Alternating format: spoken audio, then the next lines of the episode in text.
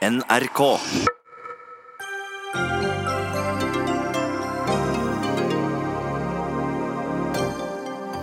Etter to års pause ble omsider Nobels litteraturpris delt ut. Men hvis Svenske Akademien ønsket mindre støy, så hjalp det kanskje ikke å gi pris til Peter Hanke, som talte begravelsen til folkemordtiltalte, den folkemordtiltalte serbiske presidenten Slobodan Milosevic.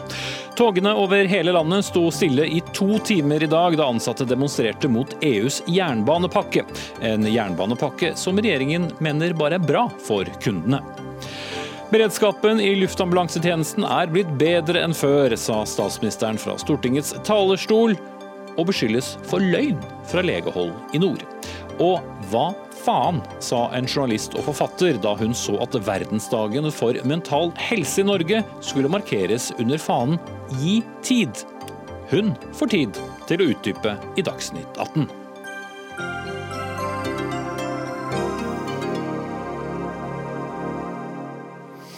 Riktig god kveld og velkommen til torsdagens Dagsnytt 18 med Espen Aas, der vi også skal innom Tyrkias pågående militæraksjon nord i Syria. Det skapte tidenes kunstdebatt her i Norge da den østerrikske forfatteren Peter Hanke fikk Ibsenprisen i 2014. I dag fikk han nobelprisen i litteratur som en av to, og som de fleste jo mener er den aller gjeveste utmerkelsen en forfatter kan få. Men Hanke er også en kontroversiell forfatter, eller en kontroversiell mann om du vil, ikke minst fordi han talte i begravelsen til den tidligere serbiske presidenten Slobodan Milosevic, og beskyldes for å bagatellisere serbiske overgrep. Og Åge Borchgrevink, rådgiver i den norske Helsingforskomiteen. Hva var din reaksjon da du fikk vite at Hanke fikk prisen i dag? Nei, Da, da, da ble jeg ganske overrasket. Jeg syns det var uh, sjokkerende, egentlig.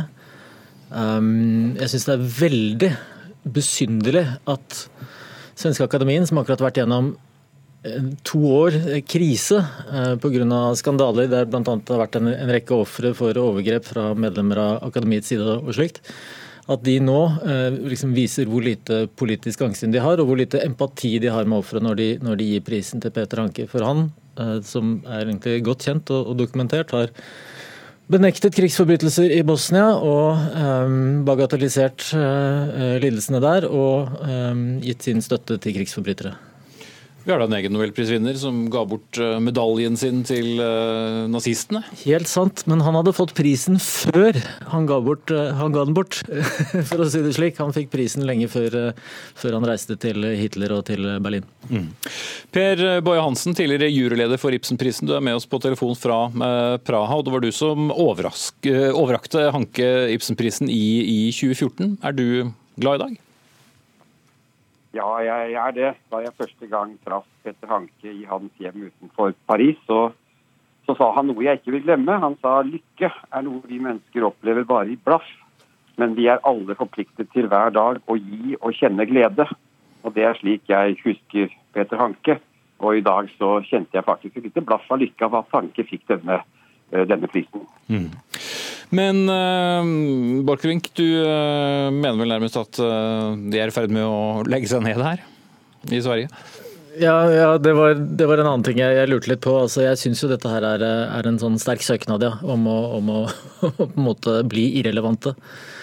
Um, bare liksom, For å ta litt steg tilbake, da, så er det, det, er, det er, ingen tvil om egentlig at, at, Hanke er en stor forfatter. Og at hans forfatterskap vil bli stående og vil bli lest i lang tid. Og litterært sett, så det er ikke det vi diskuterer.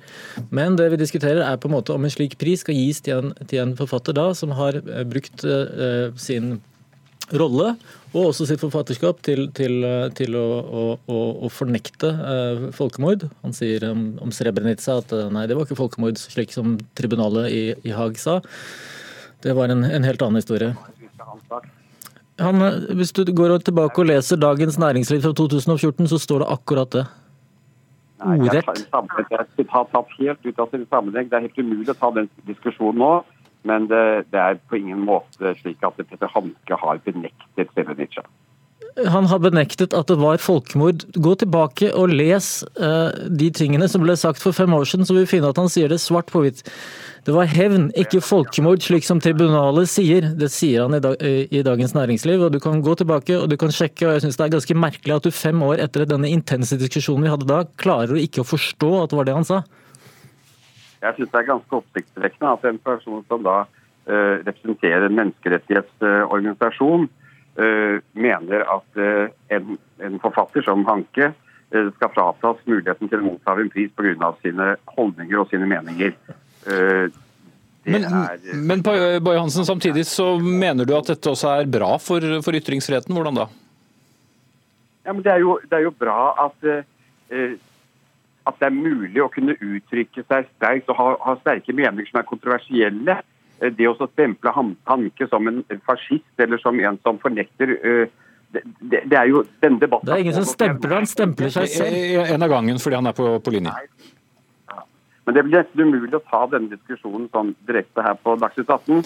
Eh, jeg mener at det er en, en, stor dag, og det er veldig godt at en av vår tids aller største eh, forfattere har fått denne heders prisen. Altså det, det, å kritisere uh, Hanke er ikke å nekte ham ytringsfrihet, det er å bruke ytringsfriheten. Jeg sier ikke at hans forfatterskap skal brennes på bål eller nektes å leses. Overhodet ikke. Han er en stor forfatter som bør leses. Men jeg sier at en nobelpris er en politisk markering. Og men, det å, å, feire ham på denne måten er feil. Ok, men La, la, la Boje Hansen snakke nå, Borchgrevink. Altså Hvis eh, Peter Hanke hadde vært en eh, erklært eh, fascist, hvis han hadde vært medlem av et nazistisk parti, eller hvis han enda verre hadde stått for forbrytelser, så er det klart at det hadde diskvalifisert ham. Han har vært i en situasjon hvor han har tatt, et, tatt, en holdning i denne konflikten. Det må også ses på bakgrunn av hans egen personlige biografi. Jeg har lest alt det han har sagt. Jeg har også lest alt det som har sagt mot ham. Det har også vært gjort her i Europa i, i lang tid. Og jeg tror det er få her i hvert fall som, som har kommet til den konklusjonen at han har gjort noe som er ulovlig, eller som er så graverende at han ikke skal kunne få lov til å være med på å konkurrere om en slik gjev internasjonal pris. Hanke har han, både han har hatt rett til å si det han har sagt, og han har rett til å ha gjort det han har gjort. Og, det, det bør også en menneskerettighetsorganisasjon som LIN kunne anerkjenne. Men hva da med påstanden til Borchgrevink her, Boje Hansen, om at dette er en søknad for å legge ned hele prisen? Jeg syns tvert imot. Jeg syns at eh, Nobelprisen, eller Nobelkomiteen denne gangen har vist et veldig djervt og, og, modig valg. Både med å gi den til, eh, til Hanke og til eh, den polske nobelprisvinneren. Mm. Vi skal komme innom henne etterpå. Men, men uh, Borchgrevink, det som jo nå skjer, er jo i hvert fall av den dekningen jeg har sett mange steder uh, i, uh, i, Europa også, så gjøres jo nettopp et stort poeng ut av kontroversene rundt Hanke. Er ikke det egentlig det som da er bra? For nå kommer det jo i det minste frem, også på, på noen av verdens største nyhetskanaler. Jo, det, det kan du si. Um, I hvert fall det med talen, og så har dere litt forskjellige oppfatninger av resten. Ja, um, og det var jo forventet at det ville bli reaksjoner på dette her. Det må de jo ha tenkt, skulle jeg tro. Um, men er det bra? Altså, uh, det som liksom, Dette her er ikke bare en historie om, om, om, en, om en, operasjef i Praha og en, en, menneskerettighetsgruppe i Oslo som sitter og krangler om dette. her. Dette handler jo veldig mye om hva som skjer i Balkan, der den krigen som var på 90-tallet, på et vis fremdeles fortsettes i at det er en kamp om historien, om hva som skjedde. Og Det er en høyst politisert og aktuell eh, konflikt som pågår nå. og dette, Denne nobelprisen vil jo legitimere dem som sier aha, det var det vi sa, det var egentlig ingen forbrytelser som ble begått. Dette med Srebrenica var et folkemord. Det er noe på en måte amerikanerne har funnet på for å straffe serberne og slikt. La oss prøve å gå et lite hakk videre. Svein Mønnesland, Balkanekspert og professor emeritus ved Universitetet i, i Oslo. For fem år og en måned siden så satt du også i dette studioet her og debatterte den samme forfatteren. Og som sagt, det skulle altså bli en av de mest omfattende debattene om forholdet mellom nettopp kunst og, og politikk. Vi har sett her til lands, og det ble til og med skrevet en bok som ble kalt Hankedebatten. Og Der skrev du at man mener at man helt klart kan skille politiske holdninger og kunst.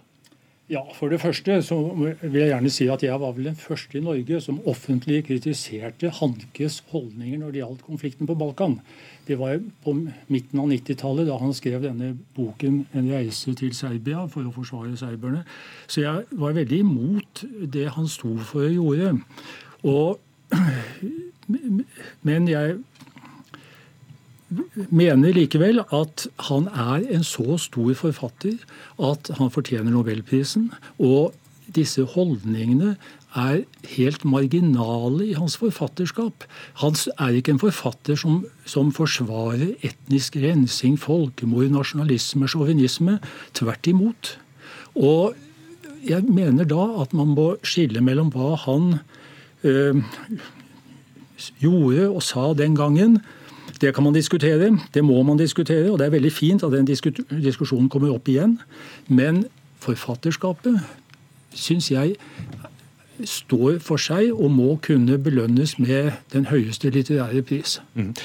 var du overrasket eh, da du hørte tildelingen klokken ett eh, norsk tid i dag? Ja, på en måte fordi han har vært så kontroversiell. Men eh, jeg går ut fra at Det svenske akademiet har behov for nå å gi en, en utdeling som ikke bare er gjesp, men som fører til en debatt. Det trenger de. At, at man igjen er opptatt av eh, litteraturprisen. Og eh, Sånn sett så syns jeg jo og, Men dessuten så har jo han vært Hanke har jo vært kandidat og nevnt i mange år som en en mulig nobelprisvinner. Så Sånn sett var det ikke noe overraskende. Mm. Helsingforskomiteen sa jo tilbake da i 2014, da debatten gikk som sterkest, at dette kan skade forsoningen på, på Balkan eh, ved å gi en eh, internasjonal Ibsen-pris, og nå har det da altså blitt en nobelpris i litteratur. Ja, men den forsoningen på Balkan går så langsomt, og det er så mange ting som, eh, som der nede som hindrer den prosessen, at en litteraturpris fra eller til spiller ingen rolle for forsoningsprosessen på Balkan. Dessverre. Man kunne jo håpet at det kunne gjort det, men det er, dessverre går den veldig, veldig bakover. Borchgrevink. Ja, Borchgrevink først, og så deg, Boje Hansen. Jeg synes bare um, altså Det som er litt sånn, eh, kanskje ekstra forstemmende, er at i hele begrunnelsen fra svenske akademien så nevnes det ingenting om dette. Og det er ikke en liten ting, vil jeg si, uh, Mønnesland. Selv om, selv om, du kan si at hans forfatterskap er stort og rikt og, og slikt. Og én ting er jo på en måte selve estistikken, som handler direkte om krigen, der han på en måte ja, gjør narr av en massakre i Visegrad f.eks. på en veldig eh, eh, brutal måte. Eh, en annen ting er at det ligger i, og det, det skriver jo også akademien, en, en, form for nostalgi etter en tapt og romantisert fortid osv. Og den, ehm, den, den, den, lengselen der er jo på en måte veldig lik en god del av de politiske ideologiene og fortellingene som folk forteller, ikke bare på Balkan, men også i Det hvite hus, liksom. Make Academy great again-aktig. Eh, Boje Hansen? Nei, Jeg vil jo si at det er ikke eh, Petter Hanke har ikke fått nobelprisen pga. sine politiske holdninger. Eh, det er også helt urimelig å beskylde oss i Ibsen-komiteen, eller også Nobelkomiteen, for å det å gi prisen til Hanke ta part i konflikten i Balkan. Eh, det å kunne skille mellom Hankes eh, politiske holdninger og på Hankes forfatterskap syns jeg måtte være ganske enkelt, egentlig. Og, og, og jeg forstår ikke helt liksom, hvordan man er nødt for å med en gang å, å, blande de to tingene sammen. La oss da gå litt på litteraturen. Marta Norheim, litteraturkritiker her i NRK. Hvor overrasket ble du at eh, Hanke da fikk eh, prisen for, for 2019, og så skal vi komme innom hun som fikk den for 2018 også? Ja, jeg ble overraska. Eh, først og fremst fordi at jeg tenkte at det ikke var egentlig Europa som skulle få to priser. Det er svært sterke kandidater både i Asia og Afrika som har stor litteratur og sysler med store spørsmål. Så jeg var skuffa av den grunn. Altså, Jeg ser nok ikke at eh, forfattere skal måtte vise en vandelsattest for å vinne en pris. Det, det må gå på forfatterskapet, så der er jeg nok enig med, med Mennesland. Men eh, Hanke var ikke min favoritt, selv om jeg setter han høyt. Mm. Men hvis vi går på det litterære, da, hva, hva er det som, eh, som gjør Hanke så bra? Altså, han, han, er jo en klassisk modernist i europeisk forstand, som snakker om dette utsatte og ensomme mennesket som er kasta ut i verden. Og Den sterkeste boka hans er vel kanskje den som heter 'Kravløs ulykke', der han skildrer eh, selvmord. Altså, mora hans tok selvmord. Eh, denne boka handler om en kvinne som tar selvmord, og det er nok ganske tett på hans egen historie. Den eh, viser en eh, et bankende hjerte for et uh, utsatt menneske. Uh, og uh, han, han, har også en del dramatikk. Han har òg f.eks. skrevet 'Himmel over Berlin', altså teksten, eller den dreieboka til Wim Wenders berømte film. Så han har, han har et ganske bredt spekter. Og jeg ser ikke spor etter eh, dette som, eh, som, jo hefter ved han, og som, som eh, er jo veldig vanskelig å forsvare, eh, i litteraturen hans. Jeg skjønner at det fins en del av essayistikken som jeg ikke kjenner til, men i det skjønnlitterære forfatterskapet så er han en klassisk eh, europeisk modernist av svært Eh, høy kvalitet. Mm -hmm. Og Så var det en veldig annerledes eh, utdeling i dag, ikke minst fordi det da har vært en pause pga. at svenske akademien nærmest eh, imploderte i, i metoo og interne krangler. Så det ble delt ut to. Hanke for 2019 og Olga Tokarczuk, polsk, som fikk da nobelprisen for 2018. Drukner hun litt i all oppmerksomheten rundt Hanke? Ja, det er jo sånne som også bestemmer om hun skal drukne eller ikke, for så vidt. Så, så, her får vel jeg gjøre mitt for at hun skal holde seg noenlunde flytende. Hun klarer seg ellers veldig godt sjøl. En svært eh, profilert og populær forfatter i eh, Polen. Eh, det vil si hos eh, de som ikke er så veldig glad i den sittende regjering. Mm, for hun også har eh, politikk eh, ved seg? Ja da, ja da, og kanskje mer politiske bøker for så vidt enn en Hanke har.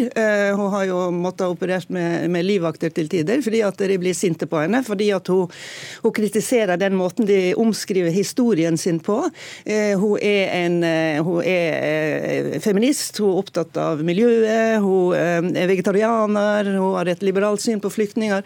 Hun står for alle ting som den nåværende regjering er grunnleggende skeptisk til.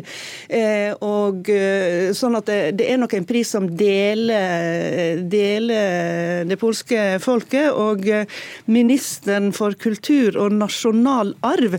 Pjotr Glinski han eh, ble spurt om dette med at hun nå eh, kom oppover på bettinglistene. Og Da sa han at ja, han hadde prøvd å bla litt i e-bok, men det var ikke noe greie for han. Eh, så da gjorde han seg fort ferdig med. Men nå, etter at hun faktisk fikk prisen, som jeg tror kanskje ikke han hadde regna med, så har han kommet med to tweeter der han både gir en stor altså sier dette er en stor anerkjennelse fra utlandet, og at han eh, må kanskje revurdere si holdning til Tokatsjuk. Så du skal se at den gode Glinski setter i gang med boka hennes. Men han kommer sikkert ikke til å like den. og for å ha sagt det, Tokarczuk hun kommer til Norge allerede til uh, uken. Ja. Takk til dere alle fire. Marte Norheim, litteraturkritiker her i eh, NRK. Åge Borchgrevink, rådgiver i Norske helseforskomité. Svein Mønsland, Balkanekspert og professor ved Universitetet i eh, Oslo. Og Per Boje Hansen, tidligere juryleder for Ibsenprisen, som var med oss på linje. Dagsnytt 18 alle hverdager kl 18.00 på NRK P2 og NRK2.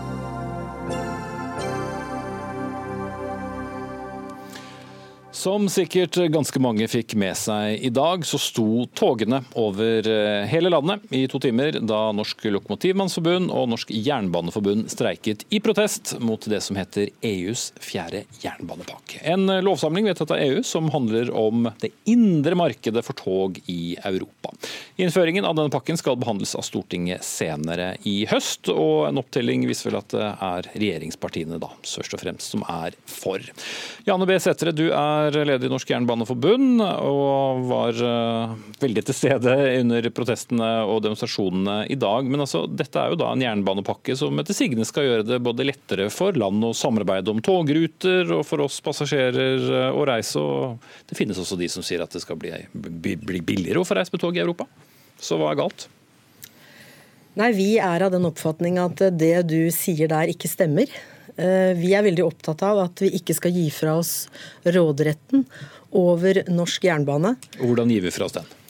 Eh, med jernbanepakken så overfører vi eh, makta over jernbanen, altså hvilke tog som skal godkjennes for å kjøre på norske skinner, hvordan vi skal organisere jernbanen vår, hva slags sikkerhetsnivå vi skal ha, hva slags opplæring vi skal ha, det overfører vi fra det norske jernbanetilsynet til et europeisk eh, byrå som heter European Railway Agency. Og de er plassert nede i Lille i Frankrike. Og de har mindre greie på sikkerhet på jernbanen enn eh, vi har i Norge? De har nok ikke greie på norske forhold og hvordan vår jernbane eh, fungerer, og hva slags rammevilkår vi har, og ikke minst hva slags utfordringer vi har gjennom at vi har nesten bare enkeltspora jernbane. Og eh, vi har for lite togmateriell. Og det er helt andre problemstillinger vi burde ta tak i for å gjøre jernbanen vår bedre for publikum i Norge. Men regjeringen sier at dette kommer ikke til å svekke norsk regelverk. Snakker de da ikke sant? Eh, vi er uenige med regjeringen eh, når de sier det. Eh, fordi at tidligere så har vi bl.a. hatt en, togframførings, en togframføringsforskrift i Norge. Hva er det? det er en forskrift som sier noe om hva du skal ha av opplæring for å kjøre tog, hvordan du skal være sertifisert. Bemanningsnormer i tog, bl.a. Den forskriften den eh, gjelder ikke mer. Nå er det eh, europeiske regler som er innført i Norge på det området der. Så du og dine mener rett og slett at norsk jernbane bør holdes utenfor resten av Europa, hva dette, denne jernbanepakken angår? Vi holdes nok ikke utenfor resten av Europa, fordi om ikke vi implementerer denne pakka. Eh, vi kan eh, utvikle jernbanen eh, i Norge, sånn at jernbanen i Norge blir bra for det norske folk. Og så kan vi ta tak i de utfordringene vi har i dette landet. Og det er å bygge flere jernbanespor. Det er å få større kapasitet, og det er å kjøpe inn flere tog. Mm. Anders Werp fra Høyre, du er da statssekretær i Samferdselsdepartementet. Hvor mye makt flytter vi ut av landet ved å innføre jernbanepakke 4? Det er fortsatt Stortinget som kommer til å bestemme jernbanepolitikken i Norge. Det er fortsatt Stortinget som kommer til å bestemme jernbanebudsjettene. Og eh, Vi flytter ikke makt eh, på dette ut av Norge. Det vi, eh, Så Sætre tar helt feil? Ja, Vi er uenig i den konklusjonen som, som Sætre her redegjør for. Vi ivaretar sikkerheten på et minst like godt nivå med fjerde jernbanepakke enn det vi gjør i dag. Vi har et meget kompetent og uavhengig Statens jernbanetilsyn i Norge som eh, ivaretar eh, sikkerheten. Og De har jo selv uttalt at eh, dette vil videreføre sikkerheten og det vil legge til rette for å styrke sikkerheten i, i norsk jernbanetransport. Det, for regjeringen vi kommer ikke til å akseptere noen form for kompromiss på, på, sikkerheten i, i, jernbanen. Det gjør vi ikke. Det har vi undersøkt veldig, veldig nøye. Norsk jernbane er ikke privatisert. Det er fortsatt staten som eier togene, Vy, Flytoget, stasjonene, skinnene, styringssystemene, billettsystemene. Vi, Men andre aktører skal altså kjøre tog i Norge? Det, jeg tror de reisende er opptatt av tjenesten, og ikke, av, ikke så veldig opptatt av hvilke merke som står på sida av toget. Ja, det, er, det er det fakta som, at det skal kjøre andre ja, det er, selskaper det det er definitivt et faktum, og det, er definitivt også et faktum at staten sparer milliarder av kroner på det, som vi nå tilbakefører til jernbanen, f.eks. i Trøndelag, hvor vi starter på elektrifiseringen av Trønderbanen og Meråkerbanen på disse innsparte midlene. Okay. Så Vi utvikler jo jernbanen på, dette, på denne måten, til beste for de reisende og for, til det beste for godstransportørene. Sverre Myrli fra Arbeiderpartiet, medlem av Stortingets transportkomité. Arbeiderpartiet er jo normalt et vennlig innstilt parti hva EU-direktiver angår, men her så stiller dere på fagforeningenes side. Hvorfor? Ja, det gjør vi fordi vi rett og slett eh, ikke tror at dette er eh, riktig politikk. Eh, jeg skjønner jo at statssekretæren fra Høyre er veldig for det. For det er klart, Vi har jo en regjering og et stortingsflertall i Norge som har lagt all jernbanetrafikk ut på anbud, ut på konkurranse. Og Det er jo en rød tråd gjennom EUs jernbanepakke 4. All jernbanetrafikk skal konkurranseutsettes. Det er vi imot fra Arbeiderpartiets side. Så kan det jo da sies at det blir ikke veldig stor forskjell om vi innfører pakka eller om vi ikke innfører pakka. Det er delvis riktig, fordi i øyeblikket vi har det flertallet vi har på Stortinget med høyreregjeringen, som står for omtrent den samme politikken. Men hvis vi slutter oss til jernbanepakke 4, så har vi altså bindet oss til den politikken for all framtid. Vi tror vi kan være enige om at vi, selv om vi er uenige i politiske spørsmål, så respekterer vi jo at et nytt storting kan fatte andre politiske vedtak. Sånn bør det også være på jernbanen. Men er det et mer EU-skeptisk Arbeiderparti eh, vi hører her? Det tror jeg ikke. Arbeiderpartiet er EØS-parti, ingen tvil om den, men vi har brukt veldig mye tid på dette. Vi sier ikke nei til jernbanepakke 4 bare for å si nei. Vi har brukt tid på dette, satt oss godt inn i det eh, og konkludert med at eh, dette er rett og slett feil politikk. Jernbanen i Norge er ganske spesiell. Vi, nesten all persontrafikk kjører med støtte, offentlig støtte. Vi har lange distanser. Vi har mange strekninger som faktisk ikke er elektrifisert.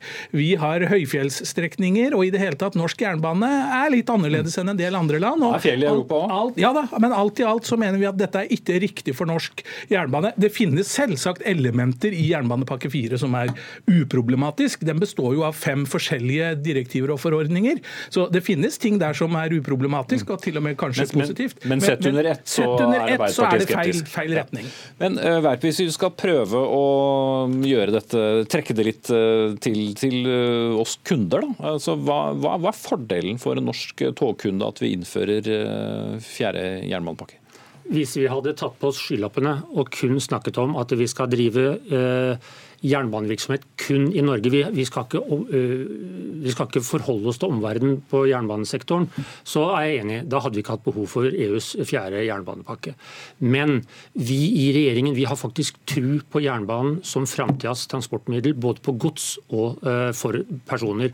Og da må vi knytte det norske jernbanenettet også til omverdenen, til andre land og til Europa. Og det som er situasjonen i Europa Men Hvordan er det det blir norske tog stoppet ved nei, grensen nei, hvis ikke vi innfører dette? De blir ikke stoppet, men skal du ta tog fra Oslo til, eh, til Paris f.eks. i dag, hvis du tar med deg din kjære og reiser etter arbeidstid på en fredag, så tar det 40 timer. Det har ingenting med jernbanen Jo, det har, det har det eksakt med jernbanen. Hvordan da? Hva er konkret? Det, det er i Europa, når du kommer utafor den norske riksgrensen, så er det der fire, altså fire sporbredder på den, norske jernbanen, europeiske jernbanenettet. Det er fem ulike strømforsyningssystemer, og det er 15 ulike sikkerhetsstyringssystemer.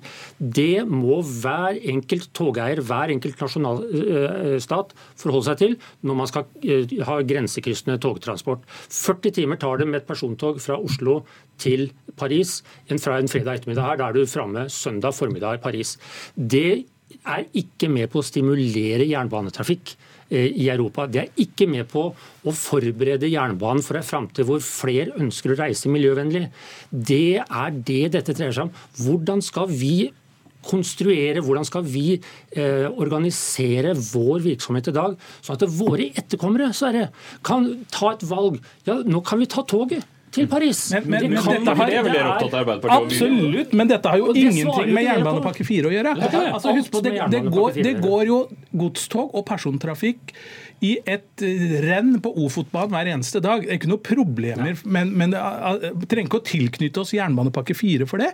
SJ kjører tog mellom Oslo og Stockholm. NSB kjører tog mellom Oslo og Göteborg. Det gikk jo faktisk mer tog tidligere. Det gikk tog fra Oslo til København, som ikke går lenger. Det er ingen problem med grensekryssende trafikk uten at vi tilslutter oss den jernbanepolitikken som EU i dag fører, og som er en annen politikk enn det vi fra Arbeiderpartiet. Så hvorfor vil da regjeringen innføre dette Da? Jeg skjønner jo det, for, for hovedprinsippet her er konkurranseutsetting og privatisering, og det er vi imot. Mm. Men det vi, kan vi, du vel gjøre uten å innføre EUs eh, jernbanedirektiv? Jeg, jeg skjønner jo at de er for det, for dette er jo politikken de ønsker. Men fra Arbeiderpartiets side så ønsker vi en annen politikk. Vi tror ikke dette er løsningen. Jo, jo, det skjønner jeg, men han, Verp og resten av regjeringen trenger vel ikke å innføre et jernbanedirektiv for å konkurranseutsette strekninger? Nei, men det er også null problemer for dem å gjøre det. For de har jo faktisk gått enda lenger i Norge, den nåværende regjeringa og høyrestyret. De har jo uten forbehold skal konkurranseutsette all persontrafikk. Men det er altså vi i Arbeiderpartiet imot. Vi vil heller bygge mer jernbane. Det er det som trengs. Det er egentlig litt trist å sitte i denne debatten. Det som trengs for å få flere til å kjøre tog, det er flere spor og flere tog, ikke okay. flere direktører og flere logoer. Eller direktiver. Uh, Verp? Ja, det som er trist i denne debatten, det er jo at Sverre Myrli enten uh, snakker mot bedre vitende, eller at han faktisk ikke vet. At det selvfølgelig når det gjelder Norge og Sverige, det er samme sporvidde, det er de samme styringssystemene og det er det samme strømforsyningssystemet. Men vi skal ikke lenger enn til Danmark eller til Finland, eller enn snakke om enda lenger ned i Europa før vi møter disse ulike systemene. Men vi har da ingen det jernbane til Finland? Nei, men vi, vi ønsker vel å utvikle jernbanen slik at vi kan få et framtidsretta jernbanemulighet for våre etterkommere. Absolutt. Som kan konkurrere med dagens transport, og ikke minst på gods. ikke sant? Uh, hvor jernbanen sliter med godstransport. Det er fordi, fordi at dere ikke gjør jobben deres? Det er fordi det er ikke så lett å konkurrere med godstransport på jernbanen. hvor vi hvor de møter dette, og hvor godsframføringen på jernbane tar mye lengre tid i Europa enn med bil. Men ikke skyld på EUs jernbanepakke 4. Dette har, med, dette har med EUs fjerde jernbanedirektiv å gjøre, programleder.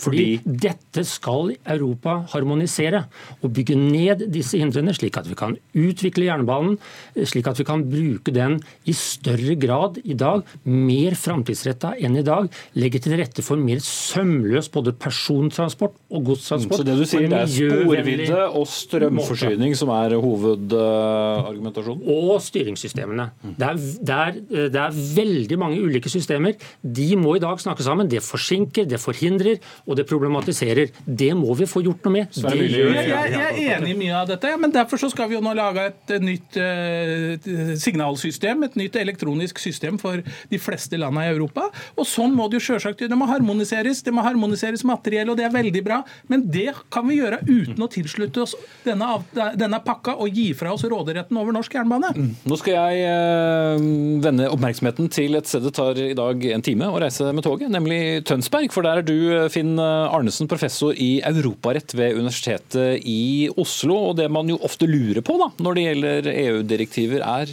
hvem får det siste ordet? Ja, det kan man jo alltids eh, lure på. Altså, bare si at det er jo ikke hver dag det tar en time å kjøre tog til Tønsberg. Da. La oss ikke bruke tid på det. Nei, vi skal ikke det. Uh, her er jo uh, spørsmålet altså dette, Innlemmingen av dette, denne jernbanepakken er, skal jo da opp i EØS-komiteen. og Der er det slik at EØS-komiteen fatter vedtak med enstemmighet. Og Det, det betyr jo da at uh, hvis Norge sier nei, så blir ikke pakken innlemmet. Eh, og Det er det som ofte kalles eh, vetoretten, og det er vel det du er ute etter? Er det ikke det? Mm. Jo, og hvor ofte pleier Norge å si nei?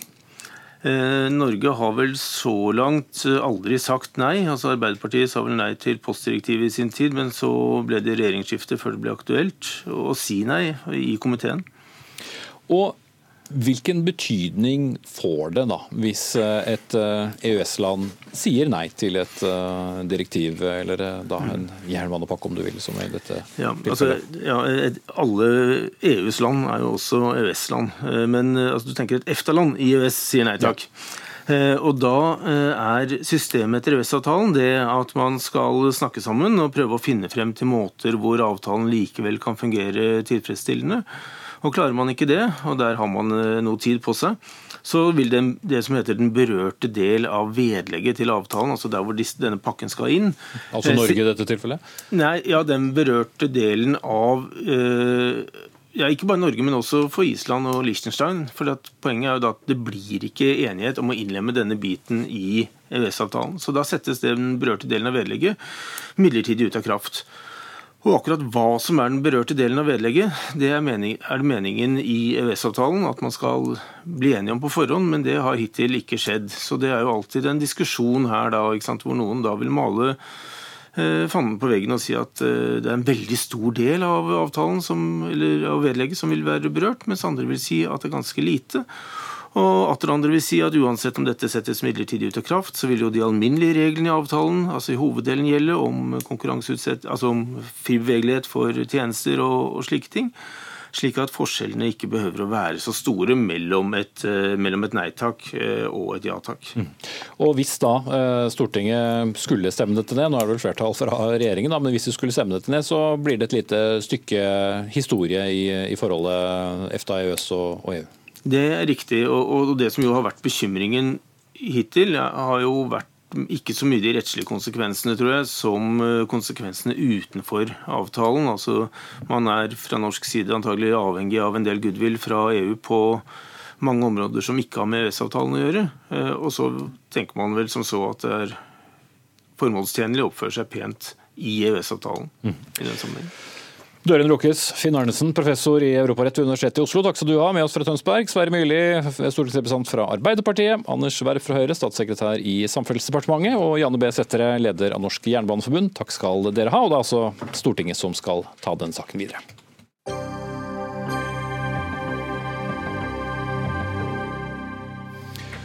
Litt senere i sendingen stiller vi spørsmålet er beredskapen i luftambulansen i Nord-Norge blitt bedre eller verre? Vel, virkelighetsbeskrivelsen avhenger totalt av hvem du spør, særlig hvis de tilhører henholdsvis regjeringen og det lokale helsevesenet i nord.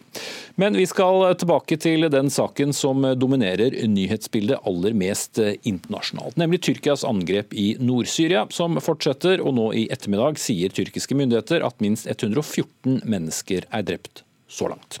Samtidig sier den eh, kurdiskledede gruppen SDF at ni sivile er eh, drept i tyrkiske luftangrep siden i går kveld. Og enda litt mer tall hvis dere orker. 60 000 mennesker i de kurdiskkontrollerte områdene er nå drevet på flukt, ifølge den London-baserte eksilgruppen Syrian Observatory for Human Rights. Og For kort tid siden så kom meldingen her hjemme fra Utenriksdepartementet om at Norge inntil videre ikke vil behandle nye søknader om eksport av forsvarsmateriell som skal brukes militært i Tyrkia. Korrespondent eh, Sissel Wold, du er i den tyrkiske byen Mardin sørøst i Tyrkia og få kilometer fra grensen. og Du ser inn mot eh, Syria fra der du står. Eh, hva skjer nå?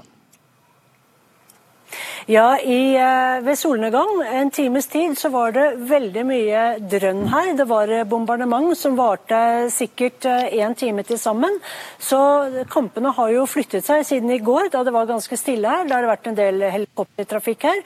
Men ellers så er det jo stor det, det tyrkiske myndigheter sier, er at de drønnene vi har hørt i dag, eller de kampene som pågår i dag, er gjengjeldelse. De angrepene som da kurdisk-syriske eh, styrker har påført eh, tyrkiske grensebyer, sånn at eh, kampene intensiveres og, og, øker i omfang. I alle fall har det vært slik i dag. Mm. President Erdogan har jo i dag også holdt en, en pressekonferanse. Hva, hva sa han der? Ja, der sa han uh, 'hallo EU'. Uh, vi eh, kommer til å sende 3,6 millioner flyktninger til dere, syriske flyktninger, hvis dere kritiserer vår invasjon i Syria.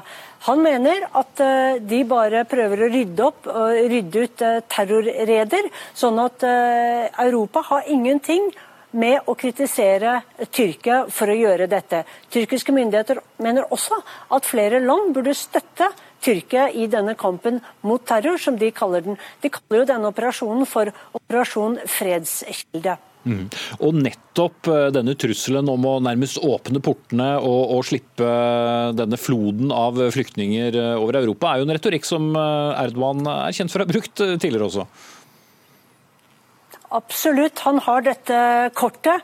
Eh, de nesten fire millioner syriske flyktninger som bor i Tyrkia. Tyrkia er jo det landet i verden med den største flyktningbefolkningen.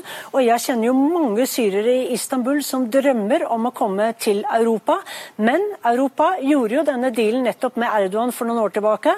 Da eh, flyktningkrisen var på sitt mest intense, og eh, europeiske regjeringer var kjemperedde for at det skulle komme store strømmer med flyktninger. Sånn at eh, De er jo veldig takknemlige for at eh, Erdogan holder denne døren igjen. Og Hver gang han snakker om å åpne døren, så blir jo europeiske ledere redde. Mm. Du blir med oss videre, Sissel Wold. Eh, Thomas Slensvik, du er årlagskaptein og hovedlærer i strategi og doktrine ved Forsvarets høgskole. Frankrike kritiserte da angrepet i går, men hvor stor betydning har det egentlig nå, hva andre europeiske stormakter måtte mene? Ja, det, eh, det, er jo en eh, generell fordømmelse av dette angrepet, og det høster veldig liten støtte her. Eh, Og Så er det da et sikkerhetsrådsmøte i dag, lukket et, og så blir det da interessant å se hva som kommer ut av det. Det som selvfølgelig kan skje, det er sanksjoner og fordømmelser. Men det er ikke trolig at det går så langt i dag. Men, men, hvis denne krigen drar ut, så kan man få sterkere reaksjoner. Mm. Og Dette er jo ikke hvilket som helst område heller. Nord-Syria, den kurdiske delen som på en måte da er et lite buffer mellom eh, Tyrkia og resten av eh, Syria. Du er jo da militærstrateg. Forklar oss kort eh, hva som skjer på bakken. Ja, det, selve, det har vært en, Etter at Trump trakk tilbake soldatene fra Nord-Syria, så har det altså vært en posisjonering av soldater. og I går så begynte da bombardementet med artilleri over grensen. Eh, til morgen i dag så begynte de større angrepene. Man går typisk inn eh, ved flere steder og, og, tar mindre landsbyer. og Det ser ut som man er i ferd med å omringe flere større grenselandsbyer. Så vil man da etter hvert få slag om eh, disse grenselandsbyene, før de da går videre og etablerer denne buffersonen på 30 km. Mm. Og Det avhenger jo da at kurderne trekker seg tilbake. og Hvis ikke de gjør det, ser vi da for oss en lang og blodig konflikt? Ja, det kan bli en lang og blodig konflikt her. Det er jo, for det første så er dette her kurdiske områder i utgangspunktet en stor kurdisk befolkning i mange av disse stedene. Så de kjemper eh, på en måte på sin hjemmebane. Eh, og så bruker man militser på tyrkisk side, og det er jo spørsmål om hvor motivert de er for å ta de harde kampene. Så er vel man bruker mye artilleri, mye flystøtte. Eh, før man da rykker gradvis fram så, men samtidig så er altså Tyrkia en mye større militærmakt og har ressursene, så det er mulig. Afrin-regionen brukte man, som er omtrent en femtedel av størrelsen, brukte man ca. to måneder på. Så det sier jo litt om, eh, om tiden man kan forvente. Mm -hmm. Og, og Sissel Wold, et spørsmål som jo mange også er opptatt av, er hva som eventuelt nå kan skje med IS-fangene som er i disse områdene som Tyrkia nå er eh, inne i. Har tyrkiske myndigheter sagt noe om dem ennå? Ja, absolutt. Utenriksminister Mevler Cavacolo sa at uh, tyrkerne kommer til å ta ansvar for de uh, IS-fangeleirene som er inne i deres sikkerhetssone, som de kaller det. Og Cavacolo sa også at han kommer til å be uh, hjemlandene til IS-krigerne og deres familier om å ta hjem disse. Og om det, det ikke skjer, så vil Tyrkia stille dem til ansvar. Han sier ikke om han kommer til å stille landene til ansvar eller IS-folkene til ansvar, men eh, det blir jo veldig interessant å se hvordan Tyrkia håndterer dette. Det gikk jo også rykter i går om at eh, flere IS-fanger hadde rømt fordi at eh, CDF hadde da angrepet eller bombet noen av disse IS-fengslene.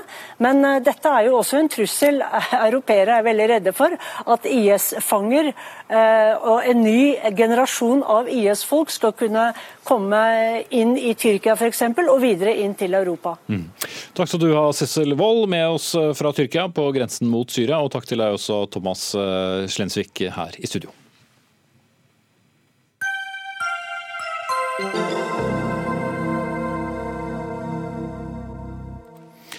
Har eh, beredskapen i luftambulansen i Nord-Norge blitt bedre eller verre? Ja, den virkelighetsbeskrivelsen avhenger nok veldig av hvem du spør. Statsminister Erna Solberg har sagt fra Stortingets talerstol at det er bedre beredskap i luftambulansetjenesten nå enn det var tidligere, men er også blitt beskyldt for å servere usannheter.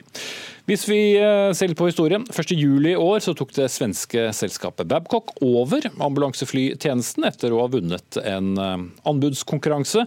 Og trofaste seere og lyttere av Dagsnytt 18 vet at det også skjedde ikke uten en viss mengde støy. Og um, Siden den gang har altså beredskapen blitt svekket, eh, mener du eh, i et innlegg du skrev i Nordlys. Eh, Hanne Heslien Lossius, du er kommunelege i Berlevåg i Finnmark. Ja. Ja, altså Tallene er jo klare. og Det vi ser er at etter operatørbyttet så har det vært preget av en ustabil leveranse fra, fra ny leverandør, altså da Babcock. Mm. Men en ustabil da, leveranse, hva betyr det rent konkret for dere som er helsepersonell? Nei, Det betyr jo at hvis vi sammenligner med den forrige operatøren som leverte luftambulansetjenestene, så var det et krav i deres kontrakt at de skulle ha minimum 95% tilgjengelighet på beredskapen sin. Eh, og Hvis vi sammenligner de tallene etter operatørbyttet, så ser vi at i august og september så er det da 90% beredskap som er levert. Eh, og måneden det var bytte, altså juli 2019, så var den på ca. 70% Helt konkret hva det betyr for oss, det er jo at eh, vi merker en utfordring med utmeldte fly, forsinkelser. Og det er urovekkende når man har pasientansvar langt unna sykehus. Mm. Så langt har det ført til noen konsekvenser for pasienter? Ja, altså jeg er jo jevnlig i kontakt med mine kolleger i nabokommuner, og jeg vet om tre konkrete avvik som har blitt sendt fra kommuneoverlege i Vadsø, som har blitt sendt til UNN og til fylkeslege. Eh, og det handler helt spesifikt om pasienter som ikke har fått den hjelpen de skulle ha hatt. Mm. Universitetssykehuset i Nord-Norge altså. Anne Grete Erlandsen, du er statssekretær i Helse- og omsorgsdepartementet fra, fra Høyre. Bedre beredskap nå enn tidligere, sa altså Erna Solberg fra talerstolen i Stortinget. Hvordan kan hun si det samtidig? som flyene står mer på bakken? Det er sånn at Den eh, nye kontrakten den eh, har eh, bedre, et bedre kvalitativt tilbud enn vi hadde før. Alle flyene er nye. Alle har nytt utstyr. I tillegg er det et nytt jetfly som er stasjonert på Gardermoen. Og vi har ekstra bakvakt for piloter i tilfelle plutselig sykdom blant personalet. Vi bruker 100 millioner kroner mer på denne kontrakten enn på den gamle kontrakten. Så det er ikke noe sparetiltak, som noen prøver å si. Men det er faktisk sånn at vi har økt omfanget av, av dette fra 400 til 500 millioner kroner. Og det er en satsing i mine øyne. Det, I rene kroner er det men så er det praktikalitetene, da. Hva sier ja. du til dels som Heselin Lossius akkurat har beskrevet? Vi kan eh, sikkert være enige om at regulariteten, hvis vi bruker et sånt begrep, er, eh, ikke har vært godt Eh, god nok. Og vi vet at det var en vanskelig periode, spesielt i starten. Og vi vet også at eh, Og da har jo vi vært med på å sørge for at det kom ekstra tjenester til. Sånn at i denne perioden, i juli f.eks., så var vi oppe i en veldig, veldig høy beredskapsprosent. Så dette var små oppstartsvansker? Dette var en oppstartsvanske, men nå er det heller ikke helt på plass. Sånn at vi følger veldig nøye med. Hvorfor er det ikke på plass? Eh, vi vet at eh, vi har eh, Dette er jo en tjeneste som er utfordrende med at de har hatt noe problemer med tekniske problemer. De er nå løst. Men vi vet også at her er det, hvis noen har jobbet lengre, lenge, så må de hvile lenge nok til at man kan ta seg inn igjen. Det er jo et sikkerhetspluss. Og vi må jo også øh, av og til sørge for at øh, flyene står på bakken fordi de mangler personell pga. sykdom. Mm. Så det kan jo være krevende. Og det som er vanskelig da for f.eks. de som er i tjenesten i, øh, i Finnmark, som, som vi snakker om her, så er det jo sånn at dette har jo vært en vanskelig situasjon, det skjønner jeg. Det har vært uforutsigbart. Vi vet allikevel ut fra de meldingene vi får at eh, det ikke har eh, rammet de pasientene som har hatt behov for akutthjelp. Men det har nok rammet de som ja, har ventet på transport. Bedre? Ja, altså Nå er vi i, i en periode hvor vi, hvor vi, vet at ting er eh, i bedring, men vi vet også at vi ikke er fornøyd med den, mm. den tjenesten helt ut. Så vi men, følger nøye med på det. Men et kort ja eller nei, har det blitt bedre? Det er i ferd med å bli bedre. Ja, Så det var verken ja eller nei. Uh, Hesselin Låshus? Ja, jeg tenker to ting. Eh, det ene jeg tenker er at dette er en milliardkontrakt. Er det ikke da å forvente at man leverer etter kontrakt? Men er det ikke også tidlig å konkludere? Nei, nå har det gått eh, tre og en halv måned, så det syns jeg ikke. Jeg syns ikke at man kan snakke om oppstartsproblemer etter tre og en halv måned.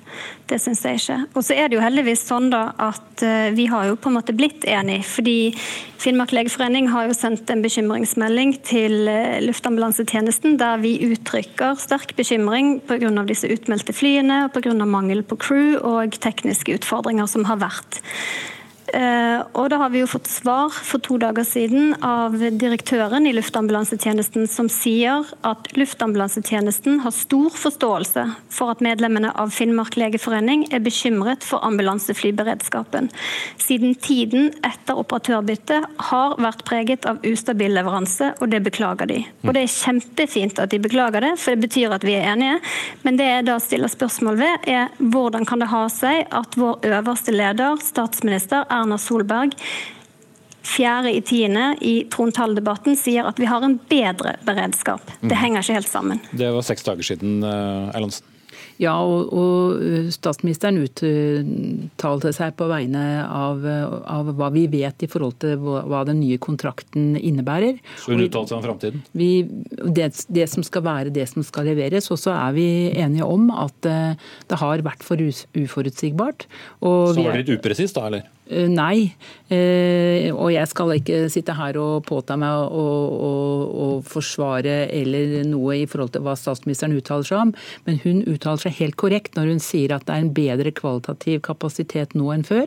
Det er faktisk korrekt. Vi har flere fly, og vi, har, eh, vi bruker mer penger, og vi har et nytt jetfly som er på Gardermoen i tillegg til det som ja, var fra før. Så, det, så det, dette er ting som, som vi ikke er fornøyd med, ikke er levert sånn som det skal og det følges tett opp. Mm. Og det bør vel kanskje skje noe der raskt. Hanne, Hanne Lossius til slutt.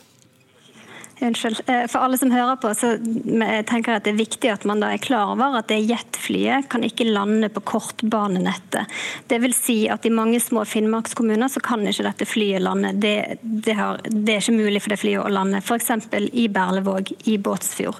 Mm. Så men, men, men, det hjelper ikke også mye. Men det er også viktig å vite, og det vet eh, helt sikkert du som jobber i Finnmark, og det er at her gjøres det en kjempejobb med å rute riktig fly til riktig sted, sånn at man eh, passe på at man kan bruke et jetfly på de flyplassene som det kan lande, sånn at andre fly kan lande i Berlevåg. Og, og sånn gjør vi det hele tiden. Men det er viktig for oss å få de tilbakemeldingene, for vi skal ha denne tjenesten helt på plass. Og her har du i hvert fall fått eh, noen tilbakemeldinger, eh, tidvis med store bokstaver og utropstegn bak. Takk skal du ha, Anne Grete Erlandsen, statssekretær i Helse- og omsorgsdepartementet fra partiet Høyre. Og med oss fra Berlevåg hadde vi kommunelege Hanne Heslien Lostius. Takk skal dere ha. Hør Dagsnytt 18 når du vil. Radio NRK Radio.nrk.no.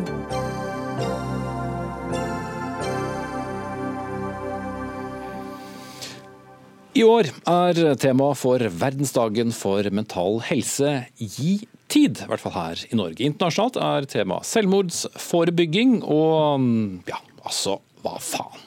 Det skrev du på Twitter i dag.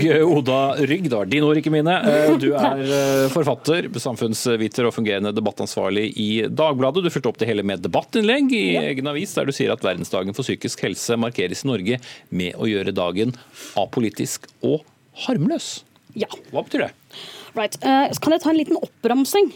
Du må, gjør det fort. det er veldig fort. Ok, her har vi den. Dette er da uh, din internasjonale verdensdagen VS den norske siden 2012. Depresjon, en global krise i Norge. Vær med, spre kunnskap og snakk sammen. 2013 psykisk helse og eldre internasjonalt. I Norge se hverandre, gjør en forskjell.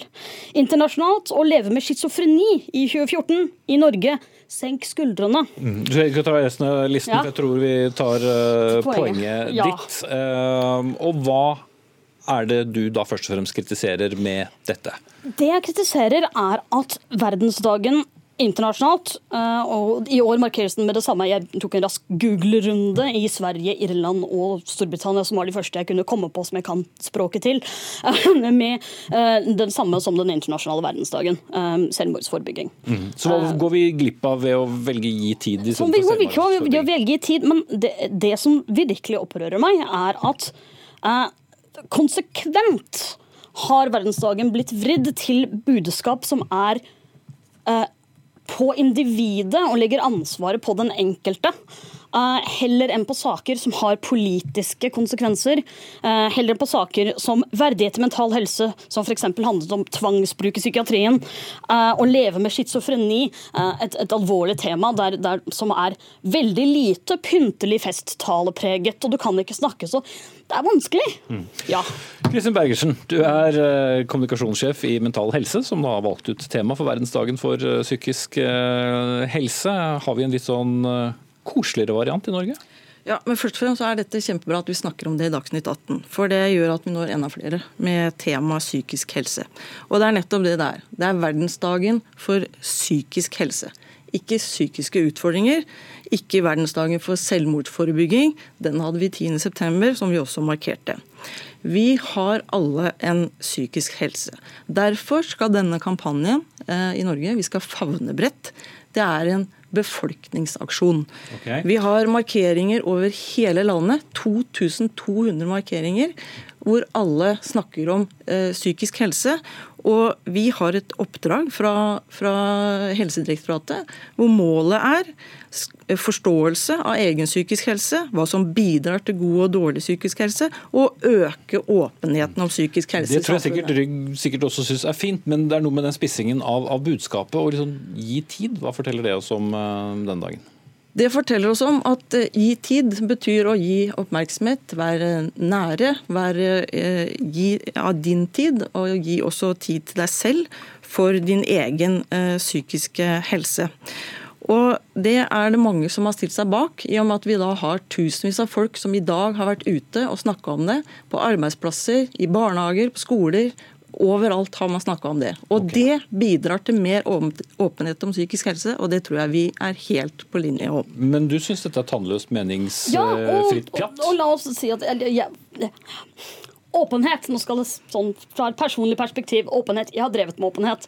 Åpenhet er fint. Jeg er veldig for åpenhet. Jeg har skrevet mye om åpenhet. Um, men som du sier at dette er den største markeringen vi har. Dette er den store markeringen med så mange da forventer jeg faktisk at brukerorganisasjonen Min, min brukerorganisasjon uh, forventer jeg at gjør noe skarpere på denne ene dagen hvor de har da et så stort publikum. Det forventer jeg. Mm. Det, det og det er din brukerorganisasjon? Ja, altså, jeg er uh, ingen hemmelighet. Har skrevet om. Uh, jeg har en psykisk lidelse som jeg har relativt hy hyggelig forhold til. Uh, men uh, ja, jeg forventer faktisk uh, Og da, da, når du sier at dere har fått et oppdrag, så høres det nærmest ut som oppdraget er fra høyere hold.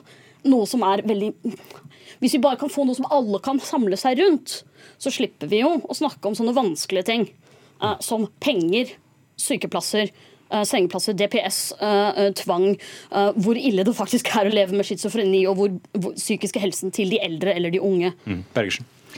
Ja, jeg syns ikke det er noen motsetning her. For det, eh, Gi tid handler også om forebygging. Det handler om å, å forebygge eh, psykisk uhelse. Og det er jo sånn at i, i mental helse så snakker vi om alle de tingene som du påpeker, selvmordsforebygging, nedbygging, altfor rask nedbygging av sengeplasser i psykiatrien, om dårlige tilbud i kommunene, om at pakkeforløpet ikke fungerer sånn som det skal. Eh, og Det snakker vi om 365 dager i året. Og vi har bare i dag så har vi levert notat til statsbudsjettet hvor selvmordsforebygging er det aller viktigste. Så vi gjør alle tingene på en gang. Men hvis alle som var like engasjerte som Oda Rygg hadde nettopp ropt på f.eks.